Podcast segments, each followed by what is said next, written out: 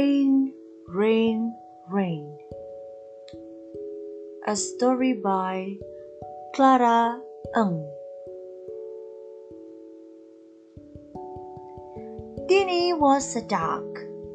She was very adventurous dog. She lived with mother, father, brother, and sister by the pond. Dinny was the youngest, and she was always getting into trouble. One day, Mother Duck and Father Duck were going out to see the frog opera. It was in the pond across the field. Father Duck called the three ducklings and said, Listen, kids, we won't be long. It looks like it's going to rain. Don't play outside without your boots and raincoat, please. Okay. It started raining as they were getting ready to go. The ducklings were so happy and excited. It had been a long time since the last rain. Yippee! Rain, rain, you!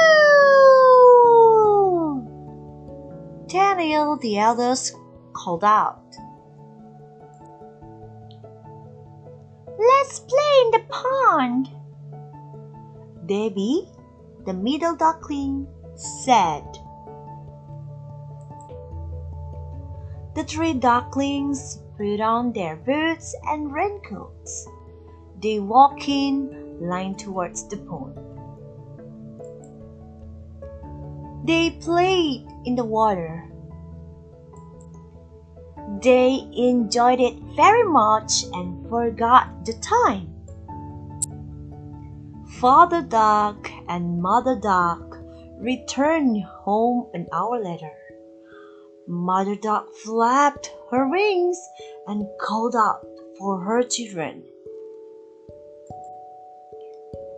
Daniel, Debbie, Dinny, come home, you three. She called. The duck family walked home in one long, orderly line.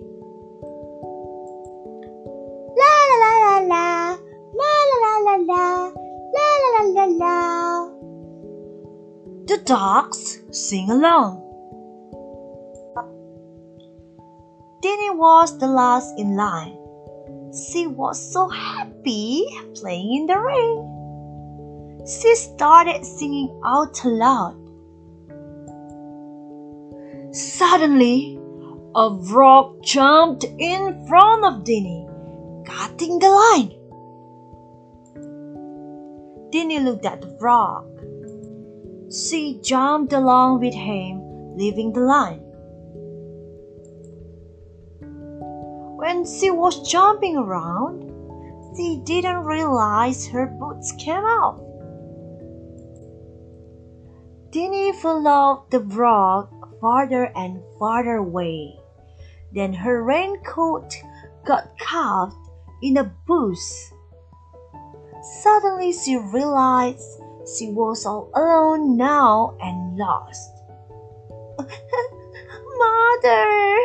Father! She called out in despair. Without her boots and raincoat, the little duckling sat down and cried. My!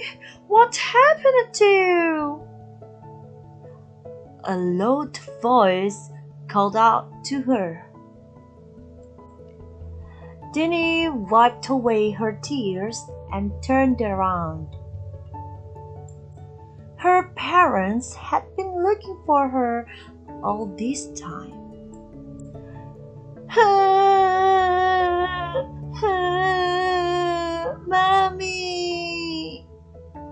Dinny cried.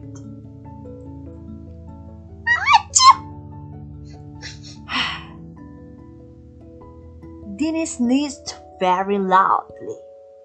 Mother Duck took her lovingly beneath her wings. She immediately protected Dinny from the rain. You have a cold, sweetie. Look at you. Your nose is all red and wet. You must take a rest.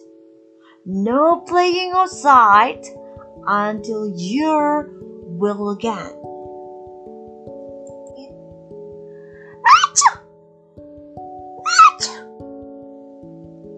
Poor Dinny had to stay in a bed because of the fever.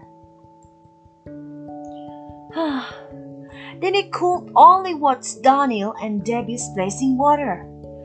She promised to herself that from now on she would not be naughty again.